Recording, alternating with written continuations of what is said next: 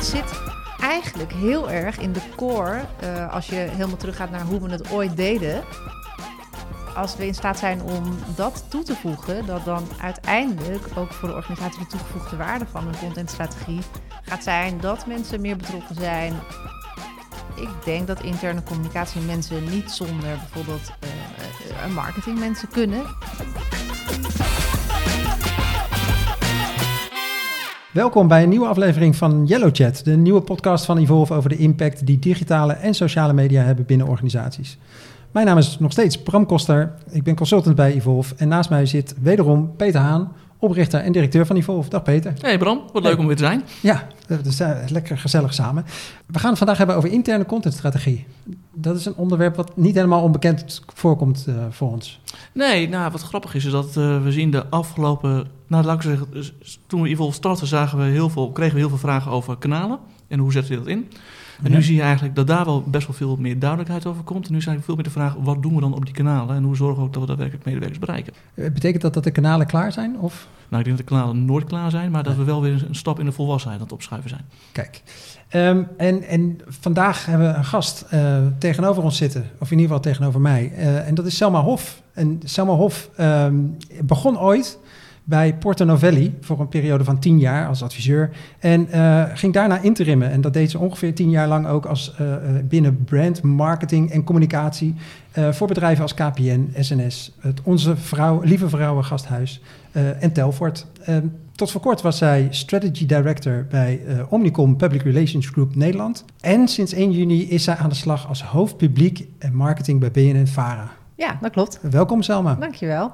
En dat is een hele mond vol, als ik het zo even uh, je LinkedIn-profiel wil samenvatten. Een hele mond vol. Um, als je hem zelf zou moeten samenvatten, wat, uh, wat, wat, vertel jij dan aan mensen? Wat doe je? Uh, ja, ik denk dat de rode draad wel redelijk overeenkomt met waar we hier vandaag over zitten. En dat is toch wel content. Ik ja. ben, nou ja, zoals je zei, ooit begonnen bij een PR-bureau. Um, en de vraag die je daar altijd stelde voor klanten was: wat is de relevantie van hetgeen je wil vertellen? En voor wie is dat relevant? Waarbij het publieke sentiment eigenlijk altijd wel uh, richtinggevend was. En ik denk dat dat nog steeds is wat ik doe.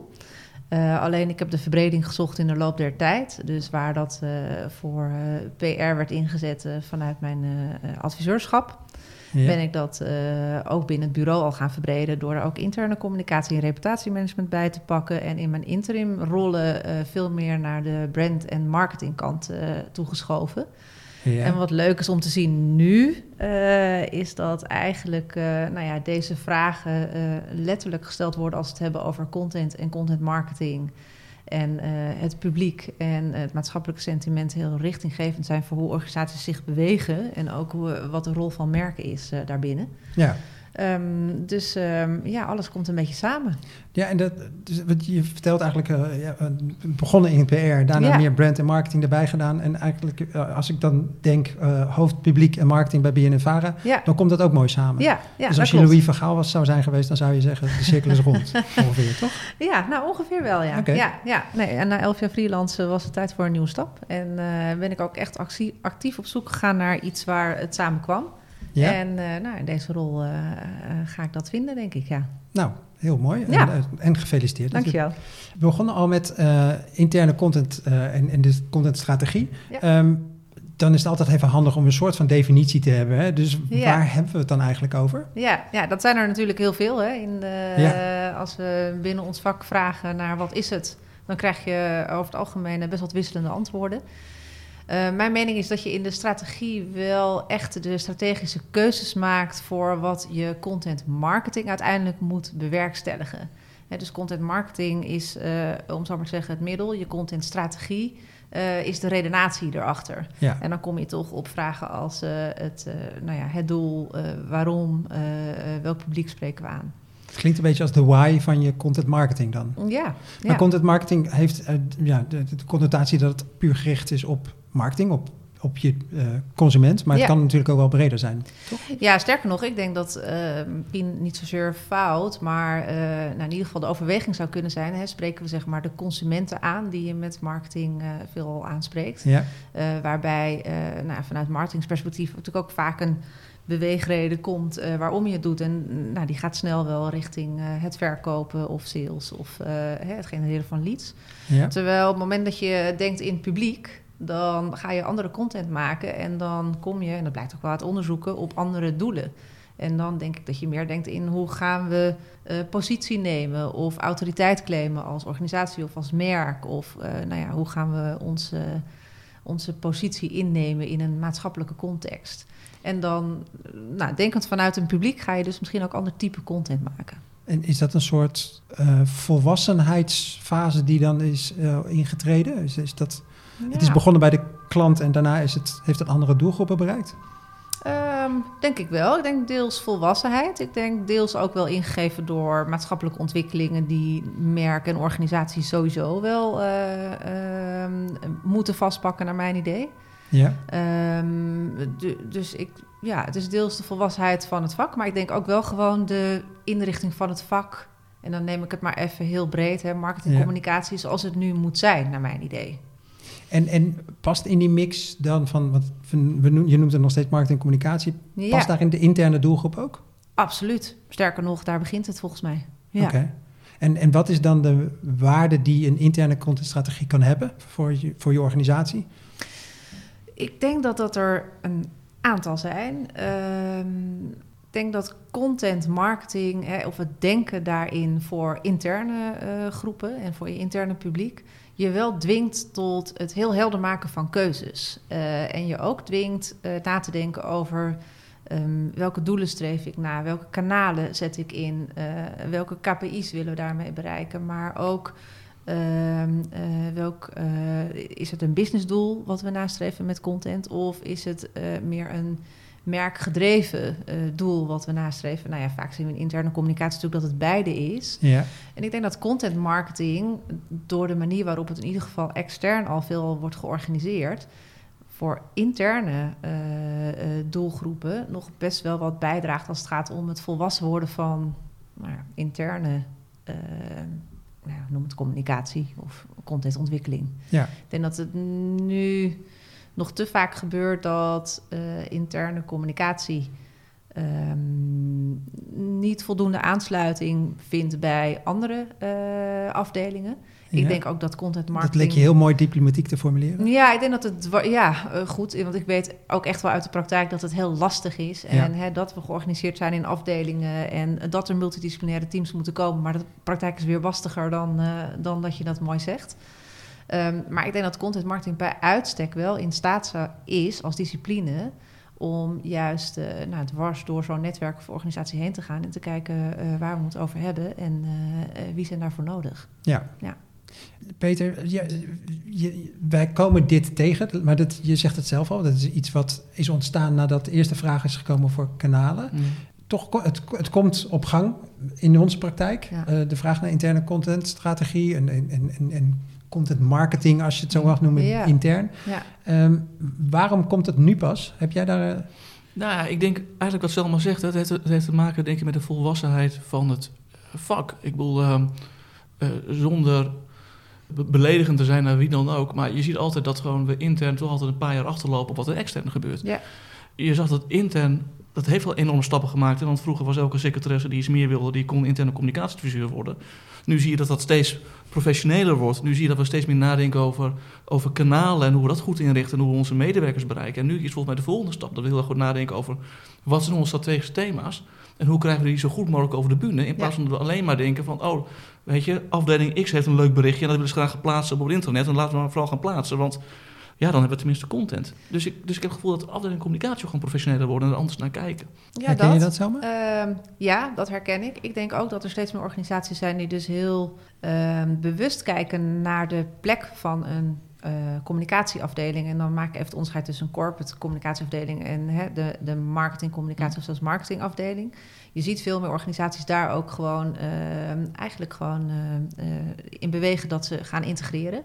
Dus dat corporate communicatie en marketingcommunicatie en merk uh, één afdeling worden. Dat is bewust ook. En ik denk dat dat heel goed is, omdat ze elkaar alleen maar kunnen versterken. Ik denk wel, en dat vind ik dan wel weer het, het grappige aan het, aan het aspect content. En als je dan kijkt naar interne communicatie. helemaal in het begin van mijn, van mijn loopbaan, en dat is alweer wat jaartjes terug, maar werkte ik voor McDonald's en maakten wij als bureau het interne magazine voor alle personeelsleden. Dat zijn er best heel veel in Nederland. En eigenlijk is dat gewoon wel nadenken over welke thema's vanuit die organisatie in een magazine, dus heel erg format denken. Het, het, het zit eigenlijk heel erg in de core, uh, als je helemaal teruggaat naar hoe we het ooit deden. Uh, en hoe we nadachten over content, zit het heel erg in de mensen. Het verschil is alleen dat de kanalen totaal zijn veranderd. Ja, exact, want dat is wel grappig dat je zegt. En ook eigenlijk wel een, terecht, een terechte terechtwijzing van mij, want bij bladen deden we het wel. Ja. Alleen bij alle digitale kanalen op een of andere manier doen we het een stuk uh, uh, minder. Of denken we er minder over, over na? Ja, of is het lastiger? Of is het lastiger, kan ook. Ja. Maar ik denk wat ook meespeelt, is dat... Ik weet niet in, wat voor organisatie jij zoal uh, de afgelopen tien jaar rondgelopen hebt. Of eigenlijk weet ik het stiekem wel, maar niet, niet, ik was er niet bij. Ik heb ook het gevoel zeg maar, dat zo'n afdeling interne communicatie ook steeds meer verantwoording moet afleggen. Van wat is eigenlijk de toegevoegde waarde van wat je Absoluut. doet. Ja. En dan gaat ook, neem ik aan, een directie kijken van oké, wat levert nou eigenlijk zo'n zo'n afdeling communicatie op? En is het ook fijn als je kunt aangeven wat dan je KPI's zijn of waarop je stuurt en wat het daadwerkelijk oplevert in termen van bereik of engagement of sentiment of wat dan ook. Ja, zeker. Dat is ook anders dan vroeger volgens mij. Ja, ja. Toch? Nee, dat geloof ik zeker. Ja. ja. En ik, ik vind het alleen maar heel prettig. Ik ben zoveel iemand die het heel lekker vindt om wel op uh, resultaat te sturen. Ik denk dat je daar als team ook gewoon beter van wordt. Ja, ik vind de, de, de vakvolwassenheid, zeg maar, ook gewoon uh, toch de datagedrevenheid, in ieder geval het inzicht hebben in de dingen die je doet.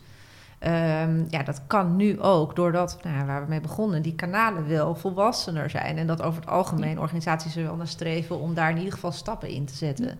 Nou ja, op het moment dat je dat hebt staan, um, ja, dan heb je eigenlijk dus gewoon heel veel uh, inzichten in wat je content dan voor je doet. Ja, ook, nou, een mooi bruggetje. Want wat doet content voor een organisatie? Hoe, hoe maak je die meerwaarde ervan zichtbaar? Of hoe verkoop je het desnoods aan het hoger management dat je daarmee aan de slag gaat? Ja, uh, ja dan heeft natuurlijk de, de ROI van content is sowieso een interessante. Uh, ook voor externe, uh, noem het maar even content marketing naar je externe publiek. Het is een heikel punt. Is een heikel punt. ik denk dat het voor intern niet anders is. Ik denk sowieso dat dat überhaupt voor communicatie altijd wel een uitdaging is. Ik denk dat op het moment dat je de toegevoegde waarde van interne content moet uh, definiëren, dat je dan altijd naar twee aspecten kijkt. Enerzijds heb je gewoon je bedrijfsdoelstellingen. Um, en ja. content marketing zet je in om uiteindelijk wel een doel uh, uh, te realiseren. Um, dus dat geldt ook voor je medewerkers. Hè, die dragen ergens aan bij. Um, dat is in content marketing, interne niet anders. Hè, dus daar zit op een gegeven moment nou, een, een, een, merkvoorkeur in of de betrokkenheid bij het merk of de organisatie waarvoor je werkt. Anderzijds is het ook nog zo, denk ik, dat voor interne medewerkers um, we nu heel erg kijken naar uh, doelstellingen die we nastreven als, nou, wat is dan de betrokkenheid? Uh, of ben je tevreden? Of uh, ken je de strategische doelstellingen van je organisatie? Wat vind je van het leiderschap? Volgens mij mogen daar dan nog wel om echt goede content te maken. En ook kijkende naar organisaties die dat eigenlijk van nature al hebben, vragen bijkomen als wat zijn nou de waarden die je zelf persoonlijk nastreeft. En als je dat nou aan een hele organisatie vraagt, weet je, hoe waardegedreven ben je en wat zijn die dan? Dan kun je volgens mij daar hele mooie gemene delers in vinden, waar automatisch al hele mooie content uit kan komen. Want samen werk je ergens aan. En dat kunnen ook persoonlijke waarden zijn of overtuigingen. Uh, niet anders dan bijvoorbeeld een Tony Chocoloni, wat hè, maar een voorbeeld is, maar waar die waarde al intrinsiek in de organisatie zit, hebben mensen bewust keuzes gemaakt om daar te gaan werken. Ja. Bij KPN of grotere organisaties die daar minder uh, in eerste instantie uh, medewerkers in hebben die daar keuzes in hebben gemaakt, zul je dus op zoek moeten naar wat ze dan uiteindelijk bindt. En ik denk dat als we in staat zijn om dat toe te voegen, dat dan uiteindelijk ook voor de organisatie de toegevoegde waarde van een contentstrategie gaat zijn dat mensen meer betrokken zijn of uh, een veel nou ja, uh, leukere, plezierige omgeving uh, ervaren. Of vinden dat ze vrijheid krijgen in de dingen die ze mogen doen. Of nou, blij naar huis gaan. Maar dat is nog wel even een paar stappen te zetten. Ja, en dat ja. leidt er dan ook toe dat een KPI bijvoorbeeld ligt op medewerkerstevredenheid. Ja, nou ja, tenminste, dat zie ik nu nog bij heel veel interne afdelingen. Ehm, en ik bedoel, content is natuurlijk niet de holy grail voor alles. Uh, Laten we daar ook helder in zijn. Want uiteindelijk is het zo dat medewerkertevredenheid ook van heel veel aspecten afhankelijk is. En zeker niet alleen van een interne contentstrategie. dat geloof ik niet. Maar ik denk wel dat die, die tevredenheid, die wordt ergens door gedreven. En vaak zie, krijg je dat, hebben we dat niet inzichtelijk. Nee. Tenminste, ik, ik ken niet heel veel organisaties die echt onder hun medewerkers meten. Terwijl dat voor content marketing juist essentieel is om te weten. En weet je wel, in merkmetingen weten we over het algemeen ook wel wat merkwaarden of waarden zijn die mensen toedichten aan een merk. Of waarom je dingen koopt. Of waarom je Tony Chocoloni of welk ander waardegedreven merk nou zo tof vindt. Oké, dat, uh, dat snap ik. Maar hoe verhoudt zich dat tot een board die gewoon heel concreet resultaten wil? Ja, dat blijft natuurlijk altijd wel een heikel punt. Um, en uiteindelijk uh, is het natuurlijk gewoon zo dat je interne communicatiefunctie en dus ook je interne contentstrategie en je interne content aanpak moet bijdragen aan bedrijfsdoelstellingen die, uh, die, die de board gewoon uh, na te leven heeft. Um, dus enerzijds zal, dat wel inzichtelijk gemaakt moeten worden en dat kan. Aan de andere kant denk ik wel dat er een fundamenteel geloof moet zijn in deze aanpak. In een aanpak waarin je dus verschillende afdelingen, mensen en disciplines met elkaar verbindt. Om ehm, nou ja, de organisatie verder te brengen. Um, en dat is wel een langetermijn aanpak. En moet dat geloof er zijn bij de interne communicatiemensen of bij de board of bij het management? Um, ja, nou ja, allereerst denk ik start het natuurlijk bij de interne communicatiemensen. Ik denk dat interne communicatiemensen niet zonder bijvoorbeeld uh, marketingmensen kunnen. Hè, die dus gewoon wat meer gewend zijn om al te sturen op, uh, op KPI's die wat harder zijn. Ik denk dat die werelden elkaar heel erg kunnen helpen daarin. En dat een board daar ook heel erg gevoelig voor is. Uh, maar uiteindelijk helpt het natuurlijk wel degelijk als er vanuit uh, een, een, een, bestuur of uh, vanuit een, een board overtuiging is om op de lange termijn te willen investeren in content. En dus ook af en toe daarin te experimenteren, maar ook in te willen meten. Om ook gewoon wel echt te zien wat het doet. Ja. En dat zijn vaak wel overwegingen die ik tegenkom waar men nog wel huiverig voor is. Hè? Want het klinkt leuk, nou, we gaan uh, mooie content maken. Maar uiteindelijk vraagt het ook wel in de basis om investeringen die best voor zijn. Als je bedenkt dat je het ook wil doormeten. Of dat je je kanalen nog verder moet brengen om te zien wat nou echt je conversie is. Of uh, wat je CTR is. Of nou daar ook op willen sturen. En evalueren en weer doorpakken of optimaliseren. Ja, dat vraagt best wel wat van een organisatie. Ja, want ik kan me inderdaad voorstellen dat het wat vraagt aan management voor de investering, maar ja. wat aan de interne communicatiezeur qua accountability. Dat we daadwerkelijk zien, ja. wat levert mijn werk nou concreet ja. op. Ja. Wat misschien ook niet altijd heel fijn is. Nee, en, en, en het vraagt wel om een uh, overtuiging om dat voor de lange termijn te doen. Dus niet bij de eerste de beste keer dat een, dat een uiting uh, misschien even niet het, of het gewenste resultaat oplevert, uh, dan te zeggen, nou zie je, het werkt niet. Hè? Ik bedoel, de, de beste cases ontstaan op het moment dat je drie keer probeert en de vierde, die, die, die, doet, die, die doet het wel. ja. ja. Ja. Zoals deze podcast, Bram. Bijvoorbeeld. Dit, ja. ja. Hoeveel is dit? Uh, ja, precies. Um, je noemt al de, dat interne communicatie niet zonder marketing kan. Dat, dat neigt ook even, de, roept bij mij de vraag op... wat is het grote verschil tussen een contentstrategie extern gericht en intern ja. gericht? Wat, wat, wat zie je daar als... Nou, ik, wat, wat mij, en nou, daar kan ik me wel redelijk baseren op, uh, op mijn achtergrond is dat ik merk dat op het moment dat ik met interne communicatieadviseurs spreek, dat er dan doelen worden geformuleerd, uh, maar de, de, de harde KPI's toch wel achterblijven. Hè? Ik bedoel, hoe vertaal je dat dan? Nou, we willen mensen meer verbinden of we willen uh, uh, alignen met de businessstrategie. We willen dat mensen zich daarvan bewust zijn. Uh, op het moment dat je dat tegen een marketeer zegt, zegt ja, maar hoe ga ik dat meten? Wat is dan mijn resultaat? En wat investeer ik en wat krijg ik dan terug? Ja, en ik vind dat wel een interessant spel. En ik zou het eigenlijk wel heel leuk vinden als, uh, als interne communicatiemensen daar uh, nou ja, ook wel gewoon de lol van inzien. En, uh, en, het ook echt leuk is om daarop te monitoren en je resultaten te, te zien. Ja. ja. Straks gaan we nog iets verder in op wat er allemaal komt, bij komt kijken om intern een contentstrategie op te zetten en ja. uit te rollen. Eerst gaan we even naar de rubriek Mooi meegenomen.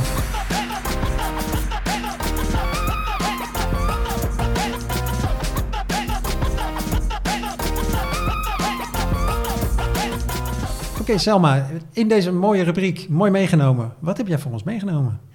Ja, uh, nou, voor liefde voor uh, content, marketing en alles wat daarmee te maken heeft. Mooie communicatie. Dus ik dacht, ik ga gewoon eens even kijken welke voorbeelden mij nou in het oog zijn gesprongen. Niet eens zozeer allemaal heel uh, recent. Uh, dus ik heb wat leuke voorbeelden uit het, uit het vak. en dan met name van collega's die dat hebben gedaan, meegenomen. En een aantal dingen vond ik leuk om te benoemen. Ik weet niet of jullie hem zelf hebben gezien, maar dat is dan ook wel weer heel interessant om te zien hoe content marketing werkt. Um, maar Lidl is natuurlijk al, nou, heeft uh, Ali B aan zich verbonden aan het merk. Sterke set. Ja. En die hebben, ehm, als het gaat om nou ja, medewerkers van ambassadeurs, ehm, een medewerker in het zonnetje laten zetten door Ali B, door hem te laten vertellen Ehm, nou, wat hij uh, uh, doet voor uh, Lidl, hoe, hoe fijn hij het daar heeft, omdat zijn collega's allemaal heel trots en hem fantastische collega vonden. Ja. Daar kwam een heel persoonlijk verhaal uit, waar eigenlijk gewoon de bottom line was dat hij dus iets teruggaf aan de maatschappij vanwege eigen overtuigingen en ook eigen achtergrond. En dat hij het gewoon heel uh, fantastisch vond dat hij daar de ruimte en ook gewoon uh, de mogelijkheden kreeg binnen Lidl. Ja. Uh, jongen kwam uit Almere. Heel leuk filmpje. En Ali Bel zette hem op een gegeven moment de vraag: Nou, hè, je krijgt daar iets voor terug, want je bent een soort van medewerker van de maand. Gevoel kreeg ik er een beetje bij. je mag of een uur coaching van mij of vijf minuten gratis winkelen. Nou, hij koos voor dat uur coaching. En was daarna ontroerd. Nou, dat filmpje heb ik voorbij zien komen op LinkedIn. Daar gaan heel veel mensen dan op reageren. Hè, allemaal uit het netwerk.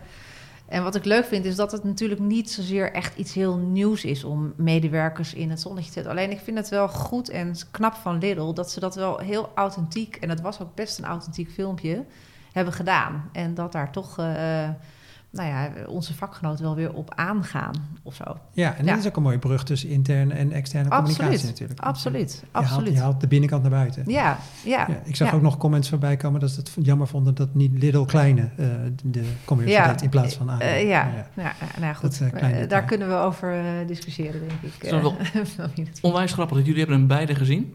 Ik heb echt geen idee waar dit over gaat. Nee, je doet je boodschappen ergens anders. Blijft.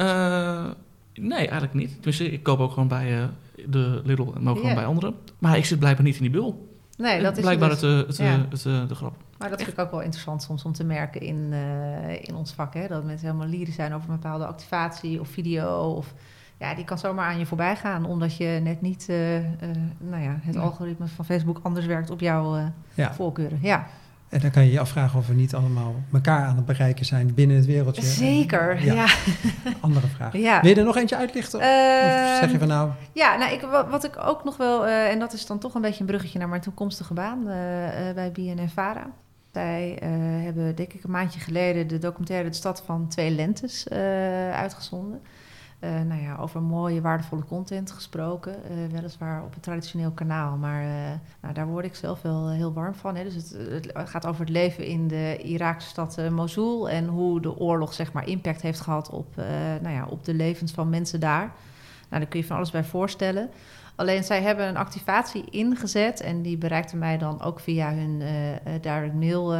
maar ook via de social kanalen Waarbij je dus als uh, ontvanger eigenlijk werd gedwongen aan de hand van een, een, activatie om keuzes en dilemma's op te lossen die dus mensen die in oorlog leven in een stad ook ervaren. Uh, en dat hebben ze wel knap gedaan, want er werd mij gewoon vanuit, uh, ik leef in, in de stad Alkmaar en de beelden waren dan dus ook echt vanuit Alkmaar en daar zag je dus op een gegeven moment ook gewoon de beelden van Alkmaar in verwoesting.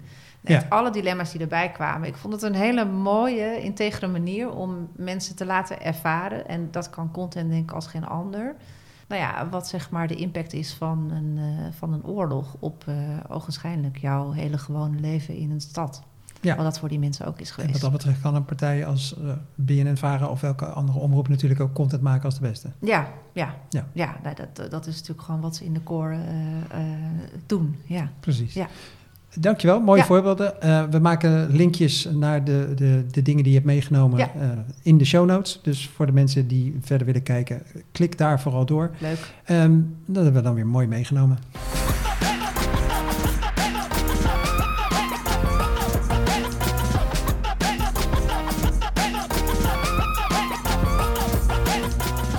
Goed, dan gaan we verder over de uh, interne contentstrategie.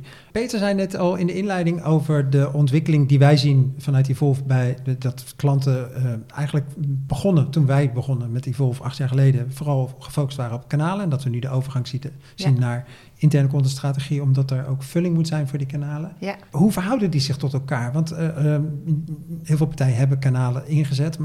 Hoe kan je een mooie, mooie mix vinden tussen die kanalen en de content die je daar kan leveren? In zijn algemeen of bedoel je dan specifiek interne kanalen? Interne kanalen, ja. ja. Want dat, dat is natuurlijk een heel ander ecosysteem dan we van extern allemaal gewend zijn. Dan ja. kennen we allemaal LinkedIn en YouTube en, en, en Twitter. Ja.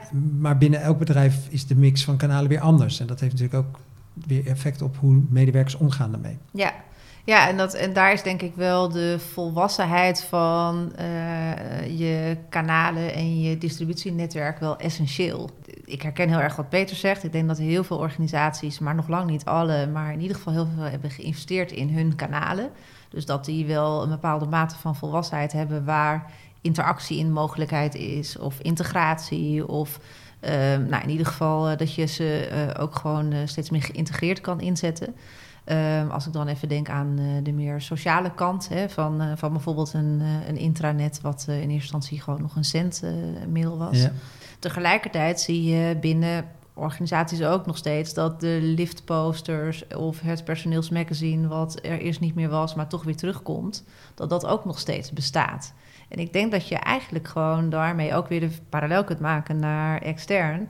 Dat een, een mix uiteindelijk van verschillende kanalen, die allemaal hun eigen functie hebben, de content alleen maar versterkt. Maar dat je dus ook heel goed moet nadenken, wat misschien in externe content marketing al wat meer gebeurt, is hoe je je content in moet zetten per verschillend kanaal. Omdat elk kanaal weer vraagt om andere uh, uitingsvormen of Ehm, eh, nou ja, weet je wel, de, content kan versterken vanuit eh, het kanaal dat het is. En ik denk dat daar nog wel stappen in gezet kunnen worden.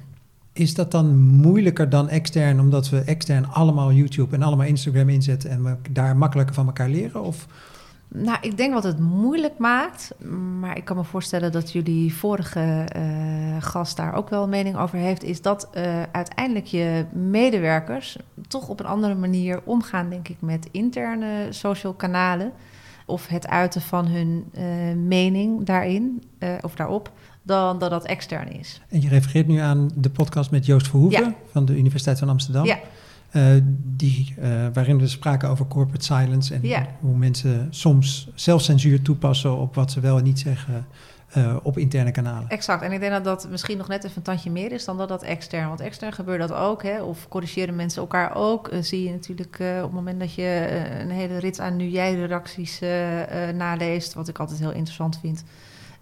of nou ja, de reacties op een post, op een kanaal, zie je dat mensen elkaar ook wel corrigeren dat, dat zelfreinigende effect heb je intern ook.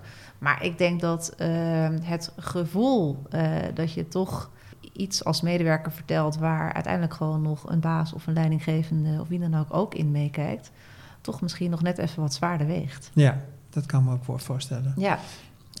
Peter, jij hebt um, een tijdje geleden inmiddels een, een blogpost geschreven over gated communities en de rol die kanalen kunnen spelen in distributie van content.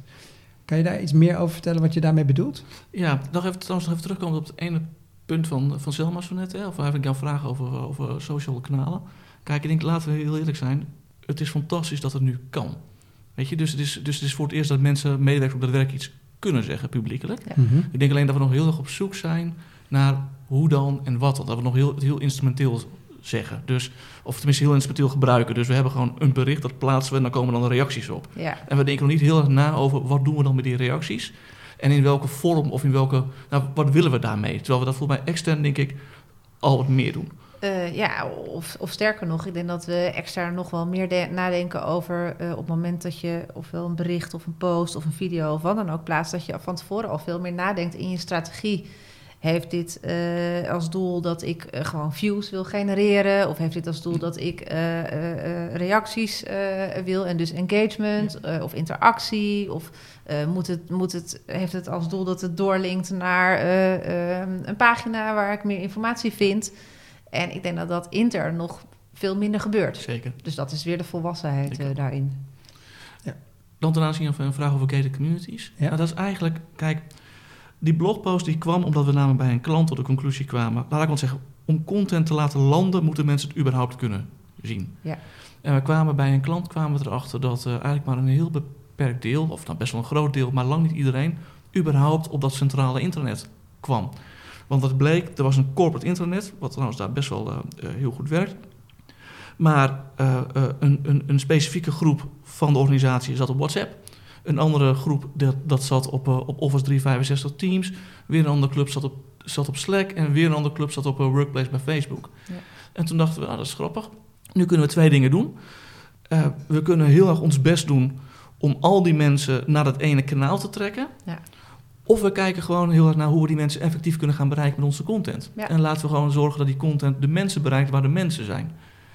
En dat was eigenlijk de, de, de aanleiding zeg maar, voor het hele verhaal van gated communities. Dat we, ik denk dat we best wel vaak eendimensionaal kijken naar onze platformen. We hebben een internet, dus dat is het centrale platform. Ja. Terwijl mensen en medewerkers veel meer zelf hun eigen ecosysteem tegenwoordig uh, klussen. Ook, Ja. ook zeg maar, nou ja, weet je wel, in, in, onder de gedachtegang van bring your own device en agile werken en al die trends die we tegenwoordig hebben.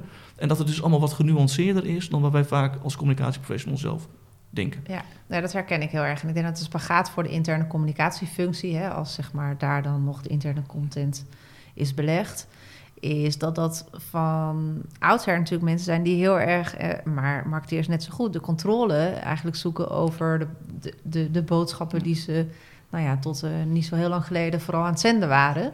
Waarbij uh, eigenlijk kijken naar de kanalen die mensen gebruiken veel meer vereist dat je dan dus kijkt, oké, okay, als ik die kanalen, want uiteindelijk content moet ergens komen, in ga zetten, wat vraagt dat dan van de vorm, de lengte, de insteek, uh, nou, noem het maar op. Ja. Dat is heel interessant. En, maar dus ook een deel van je controle toch echt wel durven loslaten. Eens, en daar zijn twee dingen, want je noemt vorm en toon. Dat soort dingen allemaal betekent ook wat aan een platform, hè, dat ze content dus kunnen distribueren. Ja. En dat wel content wat ergens anders wordt uh, gegenereerd, lees op WhatsApp of Slack ja. of wat dan ook, dat het ook ergens weer terug kan komen naar dat centrale platform. Maar wat daar ingewikkeld aan is, is natuurlijk van hoe meet je het dan door? Want als je al statistieken hebt, ja. zeg maar van je centrale Eens. platform, en dat zijn al uh, niet zoveel, maar goed, dat, dat, dat is dan nog wel een beetje aanwezig. Hoe ga je dan meten wat het effect is van je content als het op WhatsApp uh, gedeeld wordt en daar gelezen wordt? Ja. Dus dat geeft een hele nieuwe dimensie die ik denk ik hartstikke interessant vind. Maar tegelijkertijd helemaal niet nieuw is. Want als je bedenkt dat eh, we op het moment dat we die kanalen nog niet hadden, en dat is nog niet zo, helemaal lang, niet zo heel lang geleden, eh, hadden we ook geen idee wat er bij het koffiezetapparaat werd besproken. Eens. Selma, jij zegt net, uh, ja, weet je, we moeten iets minder gaan zenden en we moeten meer, uh, uh, ja, misschien wel meer incasseringsvermogen krijgen en meer in anticiperen wat er terugkomt. Um, maar Ja. dat, ook dat vraagt wel dezelfde mindset bij de mensen daarboven. Ja, Want um, absoluut. als er dan een keer een kritische mededeling op internet verschijnt, dat niet iedereen in de paniek Nee. schiet. Ja, absoluut. absoluut. Dus dat is. Ik denk dat daar nog veel lerend vermogen zit. Ja, Dat uh, zeg je mooi. ja. ja. Uh, er zijn natuurlijk organisaties die daar wat verder in zijn, denk ik. En ik denk hoe dichter je uh, als, zeg maar, de, de uh, als bestuur staat bij je waarden die je hoog hebt staan, dat dat dan veel makkelijker is dan dat het zeg maar nog moet groeien. En ja, je had het net al over, ook over vormen hè, die, die, die content kan aannemen. Zit daar in jouw beleving een verschil tussen hoe je uh, content extern uitbrengt en intern? Is dat, het daar, uh, is, is dat anders vanwege of de kanalen of de, uh, de mensen die bereikt? Nou, dat zou dus in principe niet zo moeten zijn, naar mijn idee. Sterker nog, ik denk dat, dat, ex, dat intern nog wel kan leren van de vormen die we extern al wel hebben. Ja. Altijd in oogschouw houdend, weet je wel, dat je publiek je medewerkers zijn. Uh, wat, uh, nou ja, in, in misschien sommige opzichten uh, om andere inhoud of toon vraagt. Maar ik denk dat je medewerkers zijn ook gewoon mensen die buiten hun organisatie allemaal YouTube, LinkedIn, Facebook, WhatsApp en wat dan ook gebruiken en zien. Um, dus ik denk dat je daar als organisatie um, alleen maar heel veel profijt van kunt hebben.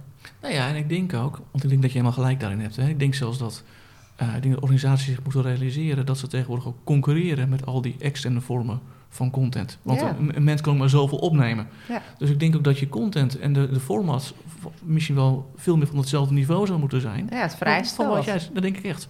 Ja, En dat zit, eh, we zijn wel wat gewend met z'n allen inmiddels.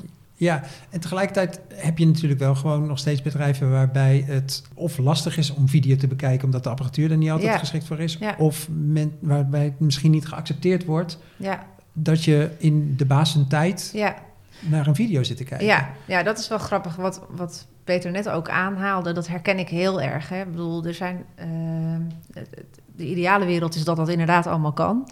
Maar eh, zo is de ideale wereld natuurlijk voor 9 van de 10 organisaties niet. Hè. Grote retailorganisaties of een grote telecomorganisatie of noem maar op.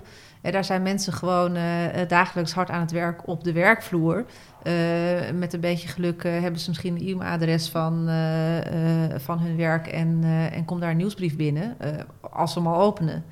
Ehm, dus dat vraagt ook echt wel om een andere infrastructuur.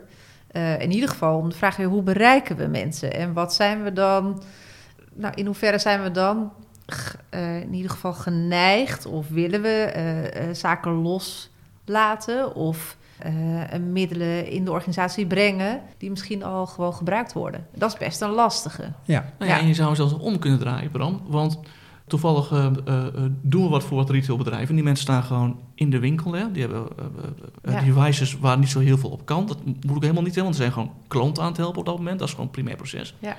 Dus voor taakinformatie is het prima. Maar juist als je wat waardegedreven content wilt hebben... Ja. eh, dan moeten mensen dat vaak doen op momenten dat ze niet aan het werk zijn. Ja. Dus dan zou je content nog beter moeten zijn...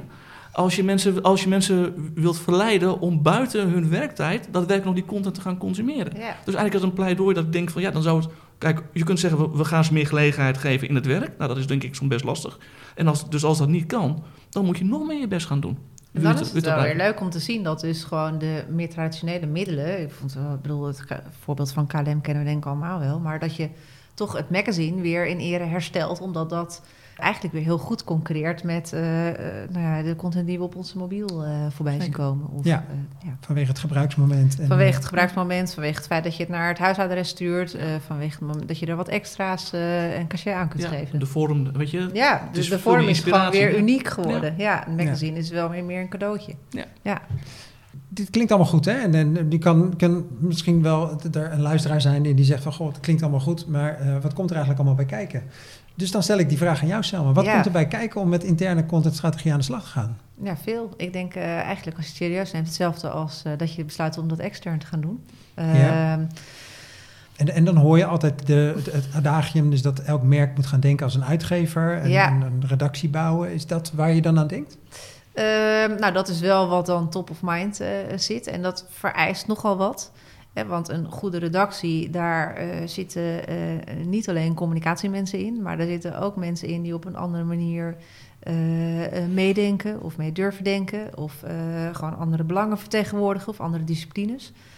Dus ik denk dat een interne communicatiestrategie, hetzelfde als extern, echt wel de ambitie moet hebben dat je dwars door een organisatie heen gaat. Ehm, eh, je moet ook de ambitie hebben om het voor een lange termijn in te richten. Eh, want het is echt, eh, nou wat mij betreft, eh, moet dat de ambitie zijn. Ehm, het moet ook zeker, ehm, eh, je moet er tijd voor mogen hebben. Ja, Hè, dus eh, ik bedoel, en, en het is ook nog eens een wezenlijke vraag: wie gaat de content maken? Hè? Zijn dat eh, de geëikte interne communicatiemensen of redacteuren, eh, wat het nu vaak zijn? Wat hebben we nodig? Eh, als we video willen ontwikkelen, wat moeten we dan intern allemaal nog ofwel hebben, ofwel gaan we het inkopen? Dus ik denk dat zeg maar de, de teamvorming, de rollen en taken, maar ook gewoon wel de, de langetermijn ambitie vraagt van content marketing echt wel veel. Ja, want, maar dat klinkt wel zeg maar alsof dat alleen zeg maar, voorbehouden is aan grotere bedrijven. Hè, want die gaan teams bouwen.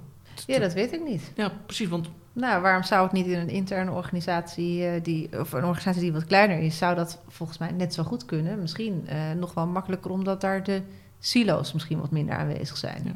denk ik. nee, ik denk het ook. Alleen het, alleen het klinkt als je van redacteur en dat soort het is allemaal. groot. Het is gro- groot. Terwijl, kijk, we werken ook voor, voor, voor, voor, nou voor bedrijven waar er bestaat een co- interne communicatieafdeling. Nou, gechargeerd gezegd in een, een, een halve paardenkop, of een man een halve paardenkop. Ja, En dan kan ik me voorstellen dat ze denken, oeh, terwijl wij zijn met z'n achten als Evolve zijn en wij maken nu volgens mij ook content. Dus het kan ook best wel klein zijn, toch? Ja. ja. Nou, ik denk wel dat ja, op het moment dat je organisatie wat kleiner is, dat je dan wel heel bewust keuzes gaat maken. Waar je misschien als grote corporate wat meer kunt freewheelen of nog even kunt experimenteren. Nou ja, die ruimte zal er niet zijn. Tegelijkertijd denk ik dat het dan dus wel heel makkelijk is om uh, vanuit de ambitie om weer gewoon echt dwars door die organisatie heen te gaan, ook de mensen erbij te zoeken die daar dan dus bij passen. Of die het leuk vinden. Ik bedoel, dat natuurlijk ook gewoon dat uh, zijn. Ja, maar ik denk dat het vooral het grote verschil is dat bij een kleine organisatie komt het erbij. Als, en is het bij de mensen die al gewoon uh, uh, ja, een normale baan hebben, die moeten een deel van dat redactionele werk op zich gaan nemen. Ja. Bij grote organisaties kun je daar meer mensen echt voor vrijmaken. Ja, bureaus bij en alles. Ja. En, en, en je, omschrijft dat het best een investering is en, en, en, lang, en het is iets voor de lange termijn. Het suggereert eigenlijk dat het best wel ideaal is, of, of misschien wel de enige manier om het ook te combineren met alles wat je extern doet qua content. Om, dat, om dat als een gezamenlijke ja, om het propositie te pakken. Ja. ja. dat, zou natuurlijk, dat is echt de ideale wereld wat mij betreft. Omdat je dan ook gaat nadenken uh, over je externe content. En wat er dan... Ik bedoel, de, de, creatie en de mooie ideeën... die komen vaak vanuit de marketing, merkafdelingen... Ja. Uh, uh, waar het budget is, waar er nou, veel al geïnvesteerd wordt... En wat ik zonde vind, is dat je eigenlijk gewoon het deel uh, wat daaraan vooraf moet gaan, namelijk wat, wat doet die content dan voor je medewerkers, of sterker nog, komt die voort uit je medewerkers, eigenlijk toch een gemiste kans is. Dus op het moment dat je die twee werelden met elkaar verbindt, dan kom je misschien wel nog tot veel mooiere dingen in de praktijk dan dat dat nu gebeurt. En uh, ben je denk ik ook gewoon veel beter in staat om je organisatie ook mee te nemen in, uh, nou ja, in het verhaal wat je wil vertellen. Want dat is uiteindelijk wat we doen. Ja. Of onderdeel te maken van. Ja. Super, Selma. Dank, dank je wel voor je enthousiaste verhaal. Stel, er is iemand die nu luistert en denkt van... goh, ik ben helemaal enthousiast, ik wil hiermee aan de slag. Wat is dan de eerste stap die hij of zij morgen kan zetten? Ik denk dat de eerste stap is om wel gewoon uh, goed na te denken over wat je doel is en wat je ermee wil. En prioriteiten te stellen. Um, en dat klinkt misschien heel cliché. Maar ik denk in de praktijk dat op het moment dat je dus besluit om hiermee aan de gang te gaan, er heel veel op je afkomt. Um, en dat het belangrijk is om um, nou, daarin wel echt fundamentele keuzes te maken en klein te beginnen en daarna uit te bouwen. Helder. En als ik goed heb geluisterd, dan is de volgende stap misschien om inspiratie te halen bij marketing, omdat daar dingen gebeuren die, waar interne communicatie mensen nog. Ja, mocht je dat nog niet doen, uh, hè, er, zijn, er zijn heel veel organisaties waar dat al uh, natuurlijk heel veel gebeurt. Ja. Uh, sterker nog, waar ze met elkaar vervlochten zijn. maar mocht dat niet zo zijn, dan zou ik dat zeker aanbevelen. Ja. Heel goed. Dankjewel. Wij spraken met Selma Hof, hoofdpubliek en marketing bij BNN Vara. Succes met die opgave daar. En naast mij zat Peter Haan, uh, oprichter en directeur van Evolve. Het was me weer een waar genoegen, Bram. Het was mij ook een genoegen. Ik hoop dat het voor de luisteraars ook gold. Dus uh, mocht je het leuk vinden, laat het ons vooral weten. Uh, en en mocht je vragen hebben, mocht je gasten voor willen stellen, je weet ons te bereiken. via Google kom je ons altijd tegen. Namens Evolve, bedankt voor het luisteren en tot de volgende editie van Yellow Chat. Hoi!